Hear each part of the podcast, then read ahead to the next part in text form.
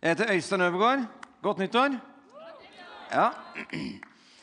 Eh, Ann Ingel ditcha dette bordet og sa det var stygt, og hun ville fjerne det i starten av møtet. Eh, jeg tenkte hvis jeg har det, så er det litt moderne og litt bedre enn talerstol. og Det ser litt tøffere ut. Eh, fryktelig mye som kan gå galt. Er det ikke det? Og, og du vet, Hver, hver nyttår så, så blir vi bare minna om alt som burde vært annerledes. Gjør vi ikke det? Og vi må ha nyttårsforsetter som vi tenker på alt som skulle vært annerledes med livet våre. Jeg vet ikke om det er sånn med deg. Og Hvis ikke du er sånn, så blir du i hvert fall minna om det av andre. ikke sant? Så er det ikke deilig da at i dag så skal jeg snakke om et nådens år? Jeg skal snakke om noe som kommer til å gjøre deg veldig mye bedre uten at du trenger å løfte så mye, veldig mange fingre. Er ikke det bra? Altså Når du får den begeistringen, så, så, så, blir det jo veldig sånn gira på å gå videre. Eh, vet ikke om dere så i VG i går ja, det, det er sikkert ikke sett avisa, for det har vært på iPaden, eller noe sånt, men det blir litt lettere for dere å se. Så kan du se her.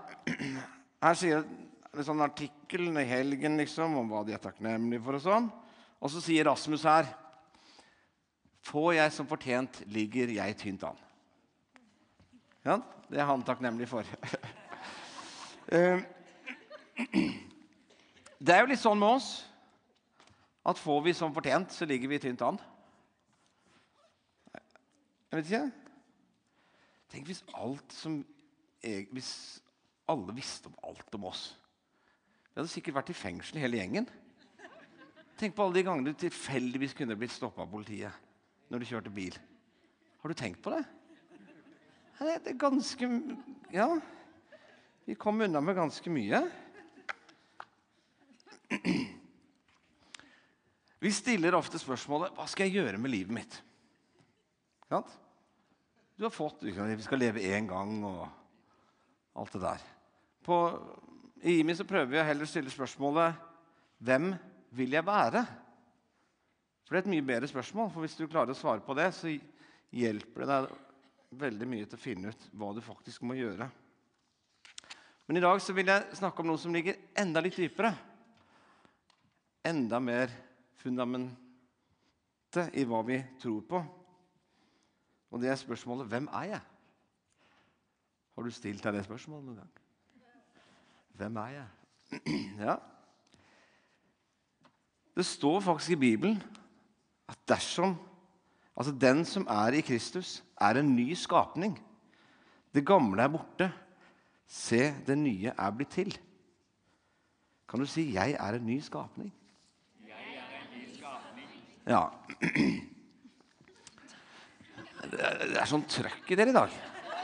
Det har vært mye ribbe, tror jeg. Og, ikke sant?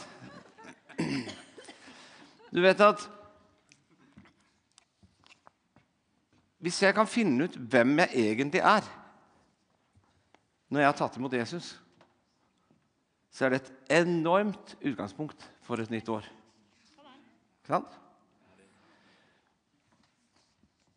Utgangspunktet mitt er jo hvem jeg er i Kristus, som en ny skapning. Det er der det nye livet lever.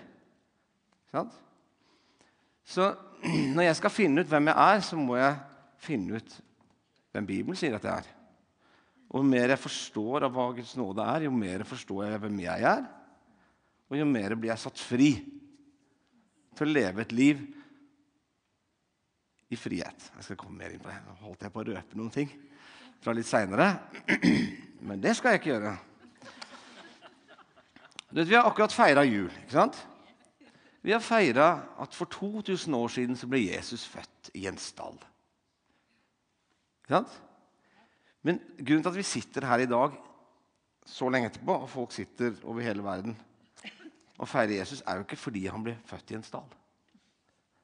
Selv om historien var god. Det var ikke plass på herberget, så han måtte bli født i en stall. Sant? Det er jo ikke derfor Det er jo konsekvensen av det livet han levde, og det det betyr for oss i dag, som, som gjør at vi feirer jul. Så Noen feirer jul fordi at de er kjekt å få gaver, og noen syns det er fint med juletre. Det, det er mye tomhet i julen nå. Men utgangspunktet for julen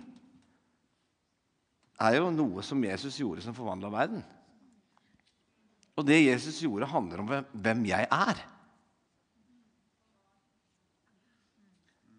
Og så er min opplevelse at når jeg har levd livet mitt, så, så er det som dette med Guds nåde, hvem jeg er i Kristus og, Det er akkurat som jeg skjønner så mange ting med hodet. Jeg har studert Bibelen på fulltid i fem år. Skjønner du? Du kan få utrolig mye kunnskap inn i hodet. Selv jeg. Selv om jeg tuller mye, så kan jeg liksom tilegne meg kunnskap. Men det er noe med å få det ned i hjertet. Og det er min opplevelse av å forstå hvem jeg er, er noe jeg oppdager litt og litt. Som mer og mer setter meg fri til å være den jeg var skapt til å være. Og Derfor har jeg lyst til at vi skal få se litt på det fundamentet vi står på når vi går inn i et nytt år. Bra. Ja, ok. Jeg har gått fra elendig med bordet til bra nå med Ann Ingel. Så jeg håper mot slutten at det blir et kjempebra. Ja, det er veldig bra. Veldig bra. Ok, Så du er en ny skapning. Hva innebærer det? Bibelen snakker masse om at du er i Kristus. Du er skjult i Kristus. Vet du hva det betyr? Syns du jeg har sånn fin svart skinnbibel? Hæ? Veldig stor? Men vet du hva? Inni så er det en gammel, stygg rød en. Ser du det? Ikke sant? Så jeg tenker liksom at dette er meg, og så er jeg liksom skjult i Kristus. Så jeg ser bra ut. Uansett. Skjønner du? For det er det som er, vet du, når jeg, når jeg kommer framfor Gud, så ser han meg i Kristus. Hvis han ikke hadde sett meg i Kristus, så kunne jeg ikke kommet fram for Gud. Det er det, det, det, som er greia. Det er jo veldig frigjørende. Hæ? Tenk hvis alle du møtte, det var det eneste de så, var de gode tinga med det. Da kunne du senke skuldrene. Det hadde vært noe. Ja. Jeg har veldig mange ark, men derfor jeg har veldig stor skrift. Så, så, vet du det. Jeg ser en del av dere ble litt bekymra her. Så Fundamentet for hvem du er, er ikke lenger din evne til å gjøre de rette gjerningene. Men du har fått en ny identitet hvor du ikke lenger blir vurdert ut ifra ditt mer eller mindre perfekte liv, men ut ifra din posisjon i Kristus. Eksempelet er jo politimannen. Når jeg kommer kjørende og politimannen sier stopp, så er det ikke fordi at det er liksom Dette er jo sønnen til Viggo og Gerd. At jeg stopper. Det er jo fordi at han har politiuniform. Han har en autoritet gitt utenfra seg sjøl. Han er ikledd en autoritet som han egentlig ikke har i seg sjøl. Men fordi han har blitt gitt det, så har han en annen posisjon i samfunnet. Og Sånn er det med deg òg, fordi du er ikledd Kristus. Fordi du har fått makt og autoritet i Jesu navn. Så, så, så, er du en annen person. Og Jo mer vi oppdager hvem vi er, jo mer begynner vi å leve ut ifra hvem vi er i Kristus, og jo mer ser vi av Guds rike synlig mellom oss. Er ikke det bra? Ja. Så hvis du tenker er dette relevant for meg, så speil livet ditt. da. Er det liksom som Jesus levde, eller er det et sprik? Antakeligvis er det et sprik. Det betyr at du må følge med. Halleluja. Nå har jeg gjort talen min aktuell. Det er veldig bra. Det er flott. Bibelen sier at du er født på ny. Er ikke det bra? Du er rett og slett født på ny. Det betyr at du har fått et nytt åndelig liv som gjør at du kan ha en sterk relasjon med Gud, din far, som har skapt deg. Jeg syns det er så herlig med Efes-brevet. Der står det i Kristus er jeg hellig og feilfri. Det liker jeg å høre. vet du. Det er jo ikke sant, men, men, ikke sant? men jeg liker å høre det. Men i Kristus er det sant. Halleluja. Ja. Efeserne 2, 4-10. Hør på dette. Dette er balsam for det nye året. Men Gud er rik på barmhjertighet.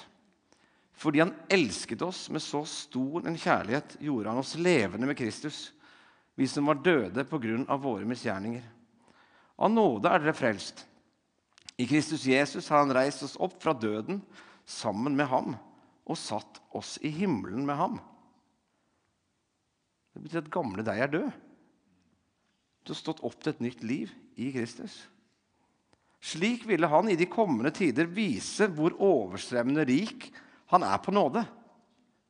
Han har gjort dette for Se, da! Se hvor nådig jeg er.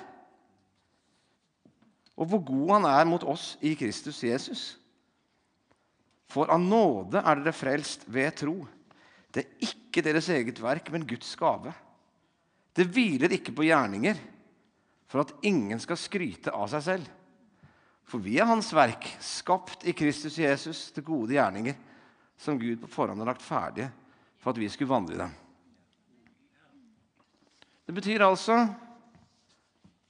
at det dreier seg ikke om hva du gjør, og dine gjerninger. Gud har liksom gjort sånn at ok, nå må vi bare legge lista der at ingen har noe å skryte av. For det er ingen som når opp til min standard allikevel. Det dreier seg bare om Jesus. Og ikke om deg. Det er fryktelig lett å si, men ikke så vanskelig, men ikke så lett å leve.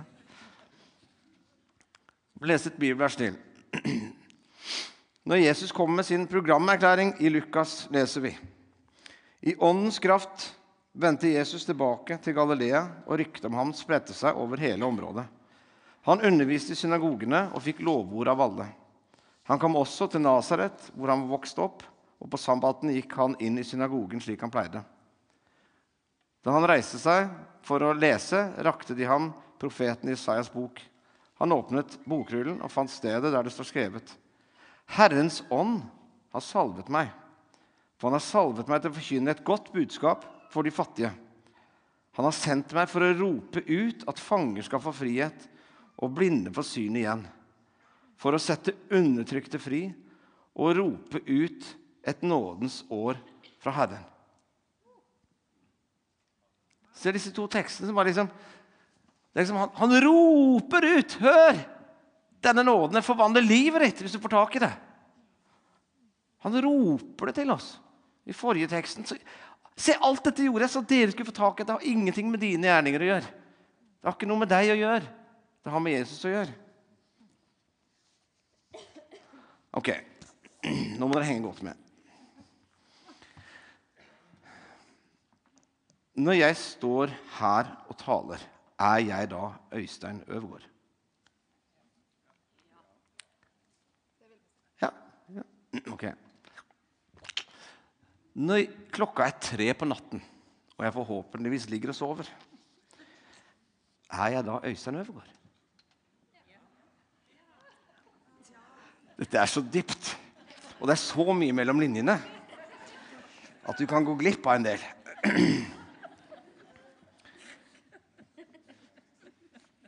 Så hvem jeg er, handler om et, mye større bilde enn akkurat hva jeg gjør her og nå. Sant? Eh, I IMI så snakker vi mye om dette med yes. Ja. Hvile og arbeid. Vi snakker om betydningen av at vi begynner med hvile, og så arbeider vi ut ifra hvile hvor viktig det er for å ha et godt liv, kontra å jobbe oss til vi ikke orker mer, og så skal vi hvile. Sånn at vi orker å jobbe oss. Skjønner du? Ja. Hvor mange har hørt om hvile og arbeid? Ja, veldig bra. Det er faktisk sånn med nåden i våre liv. Hvilen er på en måte nåden. Vi må begynne med rett utgangspunkt. Det er ikke arbeidet mitt som gjør at Gud vil ha noe med meg å gjøre, men det er bare nåde. Er ikke det bra?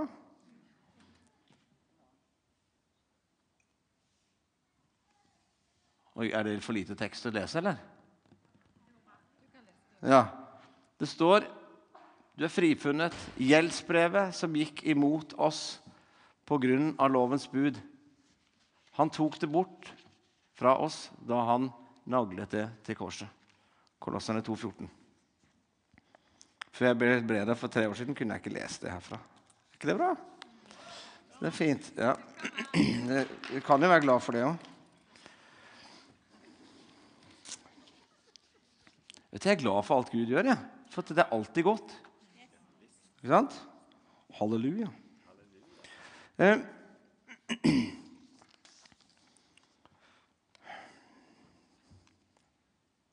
Betyr, betyr det at det ikke er viktig åssen jeg lever? Da skal dere si nei. Nei, nei, nei. Vi skal bry oss om å ta gode valg. For dårlige valg det ødelegger for relasjonene mine, for livet mitt. Så jeg er jo ikke tjent med å ta dårlige valg. Omgivelsene mine er ikke tjent med at jeg tar dårlige valg. Men utgangspunktet mitt for å komme fram for Gud er ikke mine gode valg eller dårlige valg. Og Dette har dere hørt mange ganger. Hvor mange har hørt dette budskapet før? Rekk opp i din hånd. Ja. Problemet er å få det sånn ned i hjertet, sånn at vi blir satt fri. Sånn at tankekjøret om hvor elendige vi er, gir seg skjønner du? Hvor, hvor alle disse tinga som vi baler med på det indre plan, mister kraft. Fordi at jeg begynner å se hvem jeg er. Jeg begynner å be bønner om at Gud skal åpenbare for meg. Det skal du vite at en del ting som når jeg ber Gud vise meg ok, Vis meg mer av hva din nåde er, eller hva det vil si å leve i tro. For Bibelen sier at den rettferdige skal leve i tro. Så er det sånne bønner som Gud liker å svare på. Skjønner du? For det er jo etter hans vilje. Så når jeg vokser i forståelse av hva Guds nåde er for noe, så er det at jeg sier til Gud ok, lær meg mer om dette. For dette skjønner jeg er noe som setter meg fri til å være den jeg er skapt til å være. Simul justus et. Hvem vet hva det betyr? Her har vi en teolog. Ja. En til. Vi snakker om i teologien om at vi er samtidig synder og rettferdige. Og så er det litt diskusjon mellom forskjellige kristne miljøer om vi er syndere og rettferdige, eller om vi er bare rettferdige, eller åssen det egentlig er. Er dette en sånn kjent problematikk som dere lever i? Ja. På en eller annen måte tror jeg vi har et forhold til denne problematikken om vi har studert teologi eller ikke. Jeg tror at her må vi på en måte forstå litt. Husker dere i fjor, når eh, Egil Svartdal var her og hadde møter? I forfjor blir det nå. Så dypt inntrykk har dette gjort for meg at jeg husker det over et år etterpå. Så hadde jeg et intervju med en annen som har jobba i en kirke oppe i et eller annet liten bygd i årevis. Men han følte seg ikke god nok til å gå til nattvær. Skjønner du? For hans fokus var på sin egen elendighet. Og følte ikke at han var bra nok for Gud. Da har du på en måte Da er det noen ting som, du, som, jeg tenker at Bibelen snakker om, som du trenger å få høre. da. For at det står at når jeg er tatt imot Jesus, så blir jeg kalt rettferdig. Jeg blir rettferdiggjort. Det betyr at nå er det rett med deg. Det er ferdig. Det er en deal. En gang for alle på korset. Og det er gjort. Det er ikke noe mer å gjøre med den biten. Så jeg kan faktisk gå til nattvær når jeg har tatt imot Jesus. Er ikke det bra? Halleluja!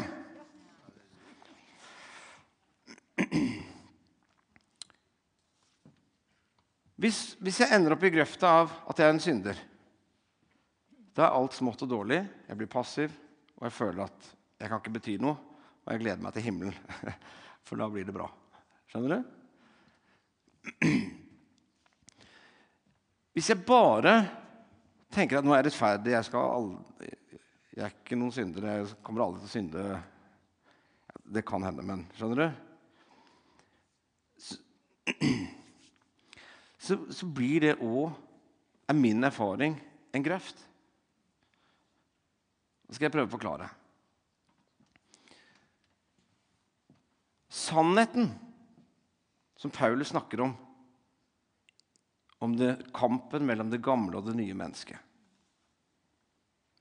i Romerne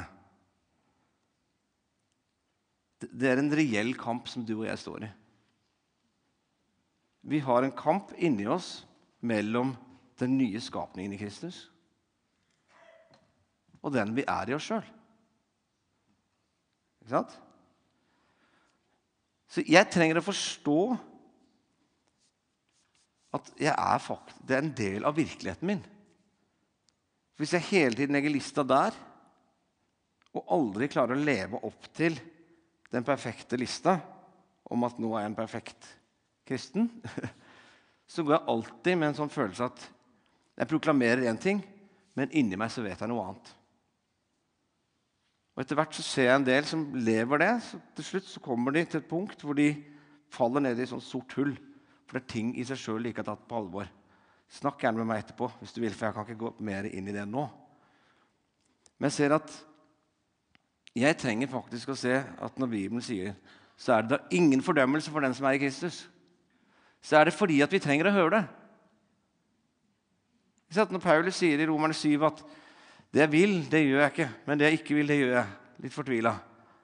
Og så kommer han og så sier han, så er det da ingen fordømmelse for den som er i Kristus. Så er det jo en grunn. Ikke sant? Det jeg vil i dag, er å få deg til å skjønne at din nye identitet er at du er i Kristus. Du er hellig, du er feilfri, du er perfekt. Kan du si 'Jeg er perfekt'? Halleluja. Den samme kraft som oppreiste Jesus fra de døde, bor i meg. Det skulle egentlig si det, men det er greit. Når så mange tar feil, så er det antageligvis jeg som ikke har vært tydelig nok. Det har jeg lært. Mora. Så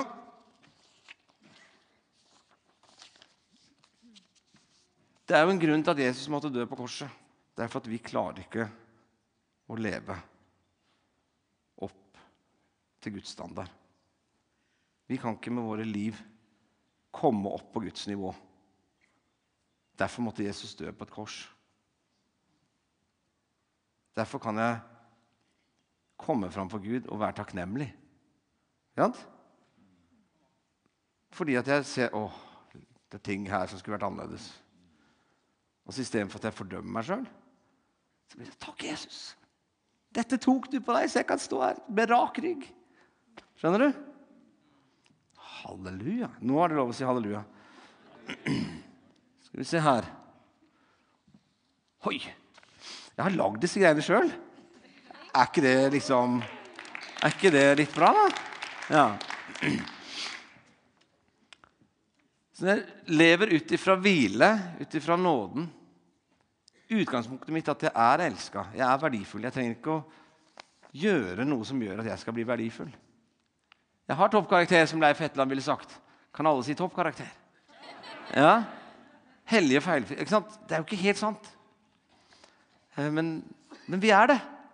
Fordi det, skjønner du, det er nåde. Det er ikke sant, men det er sant i Kristus. Og når Gud sier det er sånn, så er det sånn. Og så Problemet vårt er å forstå dette med hjertet. Fordi at når gjerningene mine blir frukten av hvem jeg er, frukten av at jeg forstår Guds nåde og hvem jeg er i Han, da blir ikke dette her livet veldig vanskelig. Evangeliet heter de gode nyhetene. Ikke sant? Det er jo ikke gode nyheter hvis det, hvis det, han kaller oss til, det er liksom Ok, kom hit, så skal du føle deg elendig. Veien inn i dette er jo å se seg sjøl som en er, og så ta imot Jesus. Ikke sant? Du skal ikke hoppe bukk over dette med å blir desperat. Du ser din synd, og så sier du 'jeg trenger Jesus'. Og så tar han den for deg.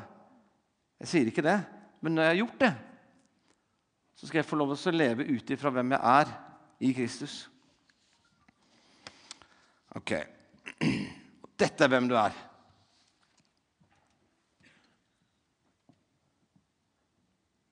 Ikke det bra? Ikke det litt deilig å gå inn i det nye året liksom med det? Og så, så, kan du på en måte speile litt Vi skal speile oss litt mer etterpå, men i disse tinga Er det sånn jeg tenker om meg sjøl? Og hvis ikke, så er dette noe jeg ønsker å si til Gud. Okay. du ser, Hjertet mitt er ikke fylt av mye framtid og håp. Hvis jeg analyserer tankene mine, så er det ikke det. Så kan jeg be ok, Gud, bare vis meg at din nåde er nok for meg, også for dette året som ligger foran.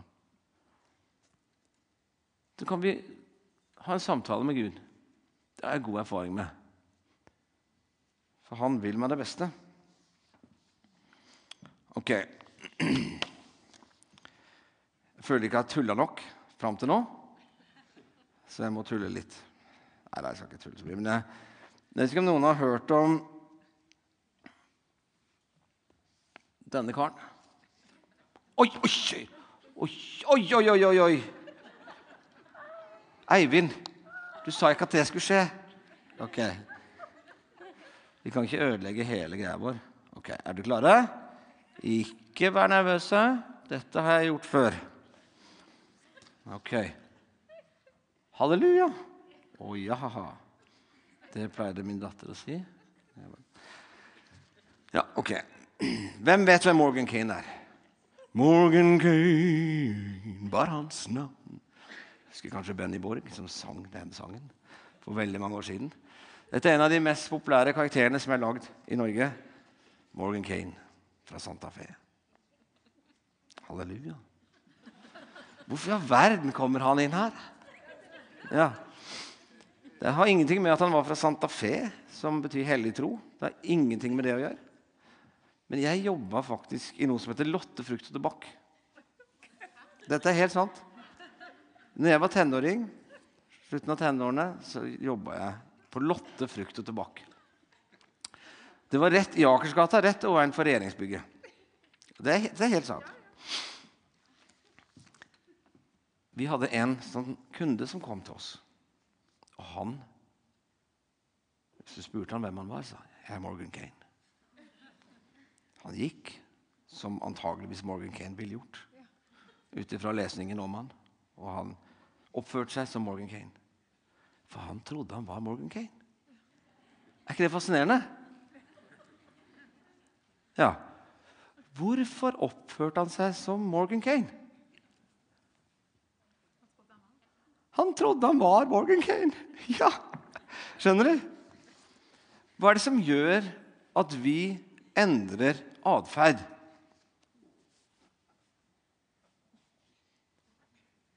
Det har jo sammenheng med hvem vi tror at vi er i hodet. Ja? Hvis jeg tror at når jeg ber for den personen, så blir den personen frisk, den skal få syn igjen, så er det mye større sjanse for at jeg ber for den personen. er det ikke det? For jeg tenker at det kan skje. Hvis jeg tenker at jeg er i Kristus, det betyr at når jeg er her, så er Jesus her. Altså, det gjør noe med hvordan jeg oppfører meg. Så jeg begynte å tenke på det når jeg forberedte talen, at det er veldig kult. Morgan Kane. Og du vet, Jeg har jo en sønn på 15. Jeg heter Alexander. Jeg kan aldri ha en tale uten å trekke fram ungene. ikke sant? Og en datter som heter Karoline, som er 18. Det er en vesensforskjell på de to barna ved siden av at jeg er gutt og jente. Når, hadde, når ungene var yngre, og vi hadde besøk av folk som snakket engelsk, så var min sønn alltid sånn. Han satte seg i et hjørne. Skal de gå snart? For han skjønte jo ikke hva de sa. Skjønner du? Min datter, derimot, hun på samme alder, hun visste jo heller ikke hva de sa egentlig. Men vi hadde fortalt henne at hun, hun var født i New York. Det betyr at hun var amerikaner. Så hun trodde hele tiden at hun kunne snakke engelsk. Skjønner du? Så når vi hadde besøk, så bare satte seg ned og bare prata og lagde egne ord. Og vi snakka gjerne. Hvem av de tror du ble fort flink i engelsk? Hun som trodde at du kunne det. Skjønner du? Sånn er det litt med oss òg. Altså, når vi begynner å tenke annerledes om hvem vi er, så begynner vi å handle annerledes. Og etter hvert så begynner fruktene av det å gi seg til kjenne i livet vårt. Er ikke det bra? Så bare tenk at du kan engelsk.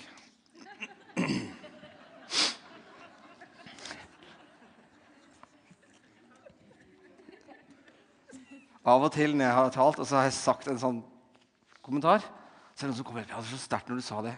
Det var jo bare tull. Så, men hvis det blir sterkt for deg, så tar du det til deg. Ja. Det er utrolig bra.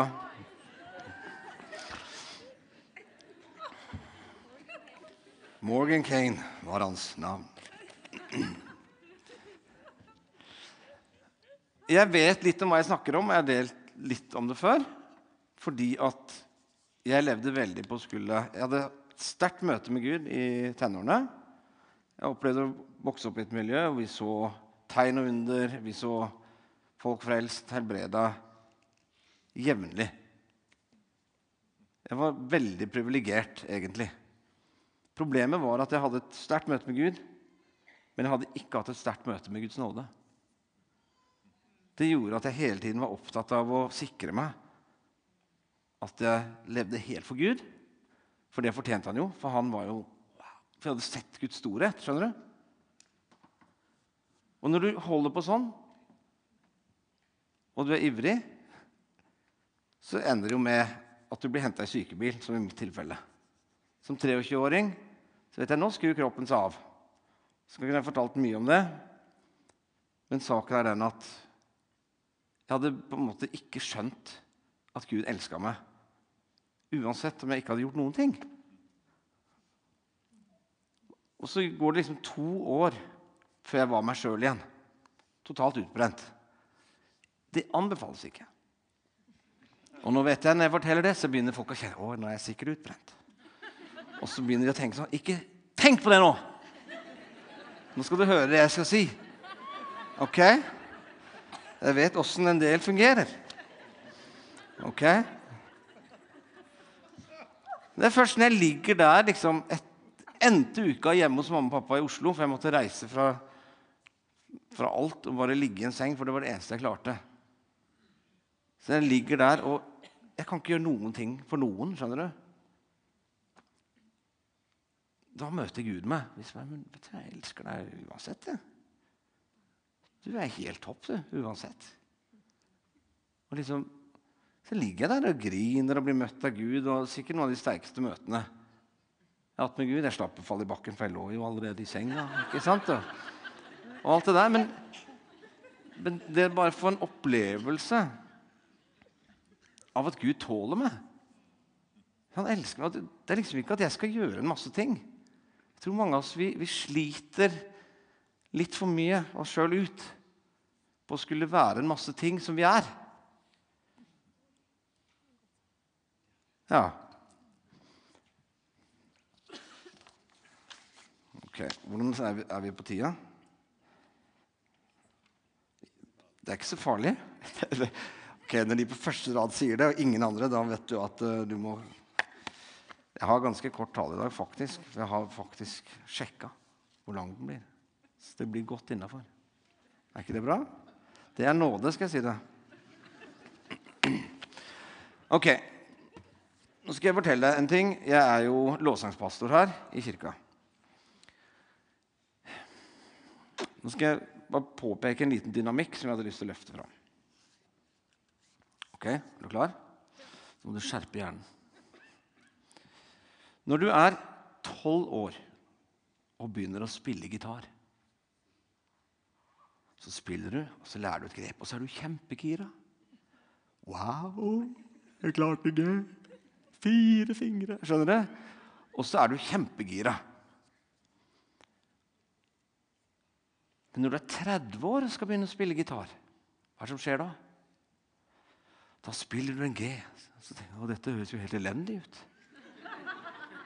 Fordi at du har opparbeida en musikalsk modenhet som gjør at du skjønner at dette låter dårlig. Når du er tolv år ikke sant? Det kom lyd i gitaren. Når du er 30, så har du hørt så mange gitarister spille at du vet at dette er jo helt elendig. Ja. Så Derfor er det mye vanskelig for en på 30 å lære. Fordi han blir demotivert av seg sjøl. Og vet du hva, sånn er det litt med oss òg når vi blir eldre. Med livet våre. At vi hele tiden så, så begynner vi å se å, hvordan ting burde vært rundt oss. Å, jeg burde nok kanskje hatt et litt finere bil. Jeg burde nok kanskje klart det litt bedre på jobben. Jeg burde nok vært litt flinkere med det med relasjoner. Jeg burde nok Og så, så hele tiden så blir lista for at vi skal være bra nok, høyere og høyere. Og det som skjer er at vi går rundt og føler oss elendige. Vi føler at vi er mislykka, vi føler at vi burde vært annerledes. Det er en sånn never-ending story. Det er noe av det Jesus kommer for å si dette er gode nyheter. Han vil rope ut et nådens år. Du skjønner, jeg er ikke den jeg er i meg sjøl. Jeg har fått en ny identitet. Gamle Øystein er død. Jeg er oppreist med Kristus. Det er jo litt, eh, litt kjekt. Syns jo det. Og Vi sammenligner oss ofte med andre. ikke sant? Så legger vi lista der hvor de som er best, er. Så kommer vi alltid til kort. Vi sammenligner oss ikke med noen som er dårlig. Ytre sett, kanskje. Si, Men inni oss sammenligner vi oss som regel alltid med de som er bedre. Og da kommer vi alltid dårlig ut. Men Bibelen sier noe om at vi skal ha noen forbilder. Ikke at du skal sammenligne deg med for å finne ut at du er dårlig, men vi skal ha noen forbilder. Og Bibelen sier at vi skal ha de som forbilder som ved tro får del i løftene. Er det ikke herlig med disse trosheltene? Abraham var ikke det en fin fyr? Det står i Romerne 4, 16. Bare hør på dette. Tenk om dette ble sagt om deg. Derfor fikk han løfte fordi han trodde, så alt skulle være av nåde. Da, han, da kan løftet stå fast for hele hans ett, ikke bare for dem som har loven, men også for dem som har samme tro som Abraham. Han er jo far til oss alle. Tenk om noen kunne si det om deg. Du er på en måte troens far. Skjønner du? Ok.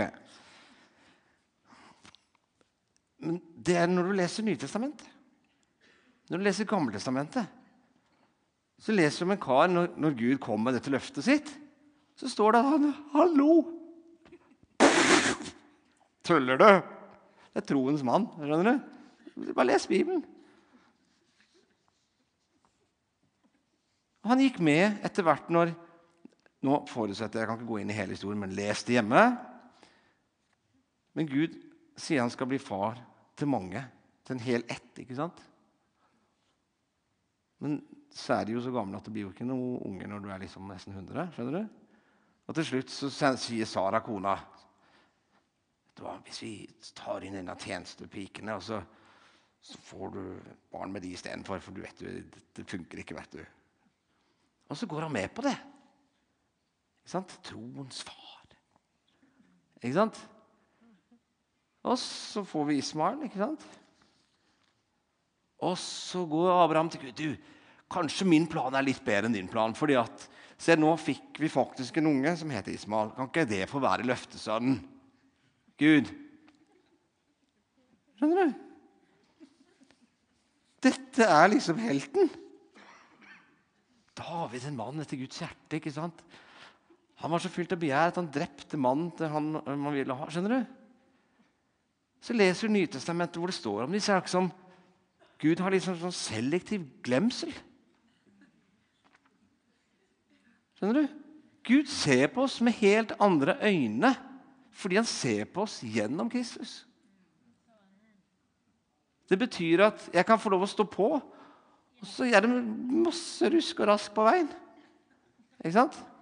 Jeg kan ha glemt å snakke med Stiv på galleriet om kollekten. Ikke sant?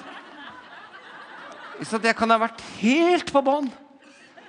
Ikke sant? Et nådens år. Så dette var til deg, denne prekena. Ja.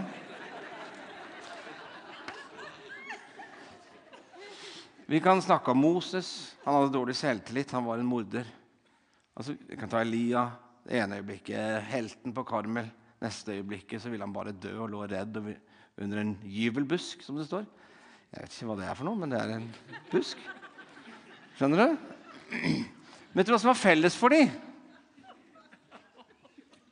At de våget å gå en vei med Gud på tross av sin egen svakhet. De lot Gud være Gud, og det gjorde dem til helter, som vi snakker om flere tusen år etterpå. For nåden er ingen garanti for et sånt problemfritt liv. Det er ikke det. Det betyr ikke at nå er det slutt på alle utfordringer, fordi at jeg har jo nåden. Salme 23. Selv om jeg går i dødsskyggens dal, frykter jeg ikke for noe vondt. For jeg vet at Gud er med meg. Når Jesus ligger og sover i båten når det er storm, så er det fordi det er noe på innsida hans som er annerledes. Sånn du kan storme så mye rundt ham som du vil, men det er noe på innsida som har fått grep, grepet av, som gjør at han møter livet på en helt annen måte.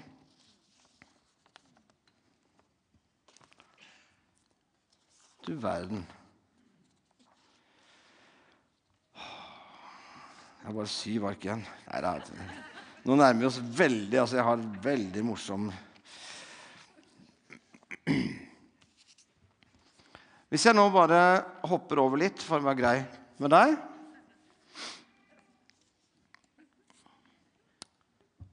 Så hvem tenker du at du er? Vet du at Mye av hvordan du tenker at du er, har med hvilket miljø du har vært i. Derfor er det viktig å gå et sted som Imi, hvor folk heier på deg og har tro på deg, og som ser potensial i deg ut ifra hva Gud ser i deg. Sant? Altså, vi var på påskefestival. Jeg leda lovsang eh, for unge voksne. Fullt av folk. Min datter er fire-fem år gammel. Og plutselig hører jeg møteleder sier og nå skal Karoline Øvergård eh, fremføre en dans. Skjønner du? Altså, Jeg har aldri sett henne danse. skjønner du? Altså, Hun har ikke gått på noe kurs eller Men hun så alltid oss på scenen. Så da var det selvfølgelig så var, Hun skulle jo også være på scenen. Så hun hadde gått med en annen Var det Lisa Bør hun sang? Snikkelura. Lora. Uh, og så skulle hun danse, og så ble det annonsert. Og Der sitter jo haug av folk som skal se på dansen. Og du sitter der med blir sånn hjerte i halsen. Hva i all verden er det du driver med?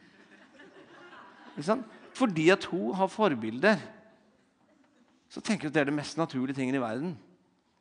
Mens for mange andre så er det det minst naturlige i hele verden. Er du enig? Så heng med folk som får fram det nye livet, den nye skapningen i det. skal du se, Her har vi sånn som sjekkliste når du er på service. Så står det om alle mulige ting som du skal sjekke. Det er kanskje bare menn. Nei, jeg skulle være morsom. Da er du sikker på å få respons, sa han Ingel. Hvor mange har sett et sånt Det er sånn der òg, ja. ja. Ja, Her kommer det fram. Eh, vi trenger noen gang å, å ha en sjekk og en service på livet. Og Noen ganger så hjelper spørsmålet oss å se åssen står det til med min forståelse av lever jeg ut ifra nåde. Og nå har jeg et nytt ark. Er du klar?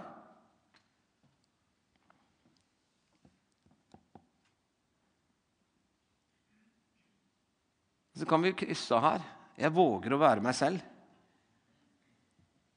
Klarer du å lese det? Ja.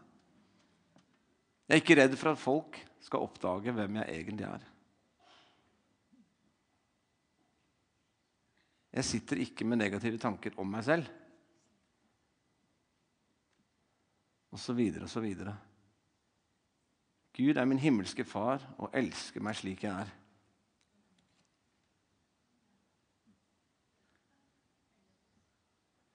Så vet jeg det at det er ingen av oss som aldri har negative tanker. Skjønner du? 'Å, jeg har hatt en negativ tanke. Da er jeg nok.' Skjønner du? Men jo mer Min erfaring er at jo mer jeg forstår at nåden faktisk er sann For det, det har vært min, mitt problem. Å skjønne liksom at dette er sant. Jeg trenger ikke å strebe, men jeg kan få leve. Det var et dikt, faktisk. Ja.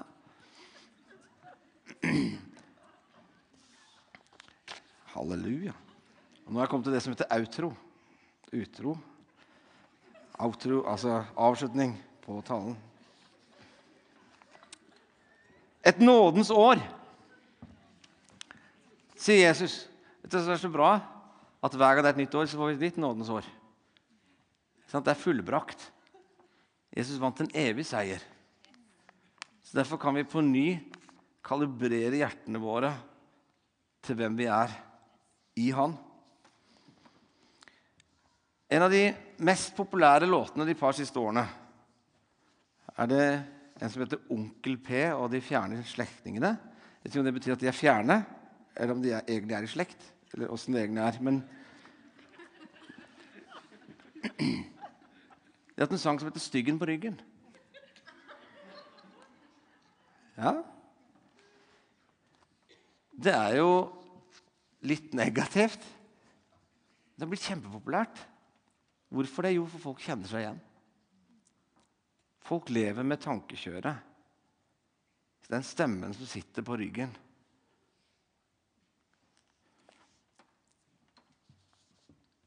Fra VGs anmeldelse av låta 'Styggen på ryggen'. Onkel P 'Styggen på ryggen', som har en tekst så sterk at vi er på nippet til å ringe inn bekymringsmelding til nærmeste psykiatrisk avdeling for onkelens bopel. Styggen på ryggen, eller nissen på lasset om du vil, er i Onkel Ps univers selve kjernen av alle hans indre demoner samlet i en stygg, pip knute som sitter med klørne hektet fast i ryggraden hans med mottaker. Generell angst og panikk, fylleangst og noia, fremtidsredsel og egen udugelighet. Alt dette sitter styggen og hvisker overtalende inn i øret til onkel P, som i sin tur beskriver følelsen av å ha denne nakkekjettingen hengende fast i seg på en svært direkte, brutalt enkel og troverdig måte. Kommer ingen vei her i livet går som et mantra gjennom hele låten. Mange kjenner seg igjen i denne indre kampen. Derfor hører de på den, så er det et eller annet med den. Men, du, men hvilke stemmer er det vi hører på, da? Er det den stemmen som, som vil passifisere oss, gjøre at vi føler oss elendig? Er det den som sier at du har en ny identitet? Du er en ny skapning. Og jo mer jeg begynner å tenke og forstå hvem jeg egentlig er, jo mer jeg begynner det å bli mitt liv. Det er en annen kjent sang. Jeg vet ikke om du har hørt Erik og Chris sin 'Ølbriller'.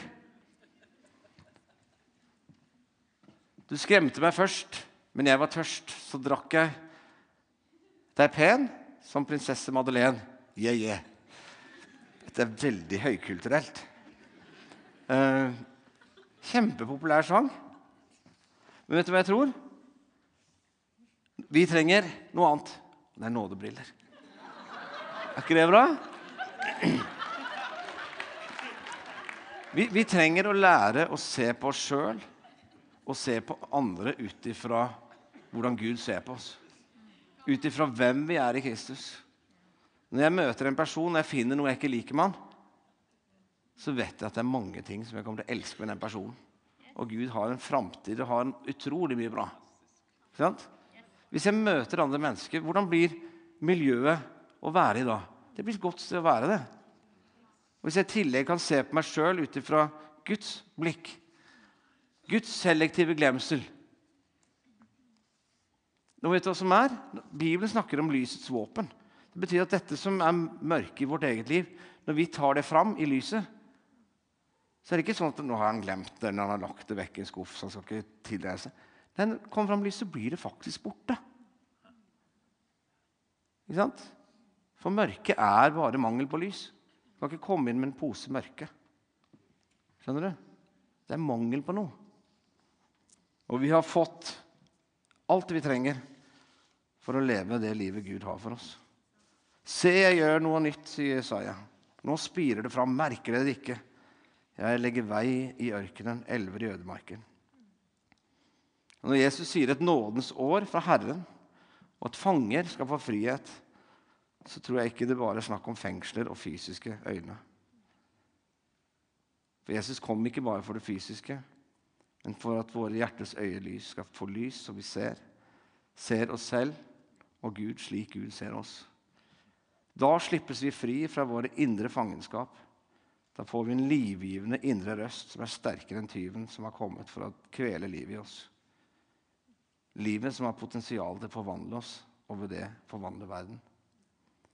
For den som Sønnen får satt fri, blir virkelig fri. Den bønnen vi kan be, kjære Gud, lær hjertet mitt mer og mer hva nåden betyr for livet mitt. La dette året få være et år hvor jeg forstår hvem jeg er. Hvor handlingene mine vitner om at jeg har møtt Guds nåde. Kjære Gud, jeg takker deg for at du har gjort det sånn at vi er frifunnet. Takk for at gjeldsbrevet som gikk imot oss, det strøk det bort, da du nagla det til korset. Du avvæpnet makten og myndighetene og stilte dem fram til spott og, spott og spe. Da du triumferte over de på korset, sier kolosserne.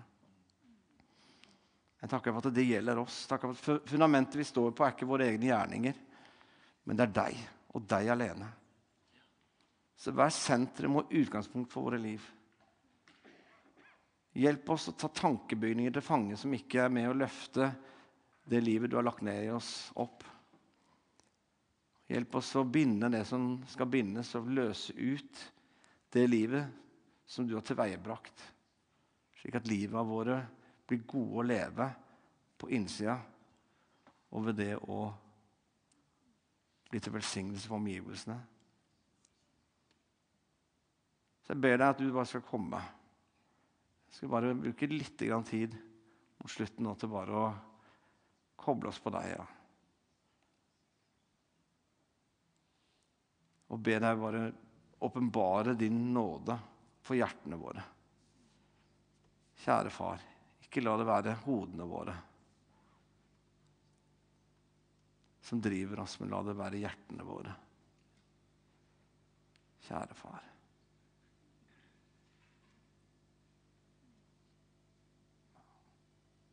Kom, Hellige Ånd, og bare åpenbar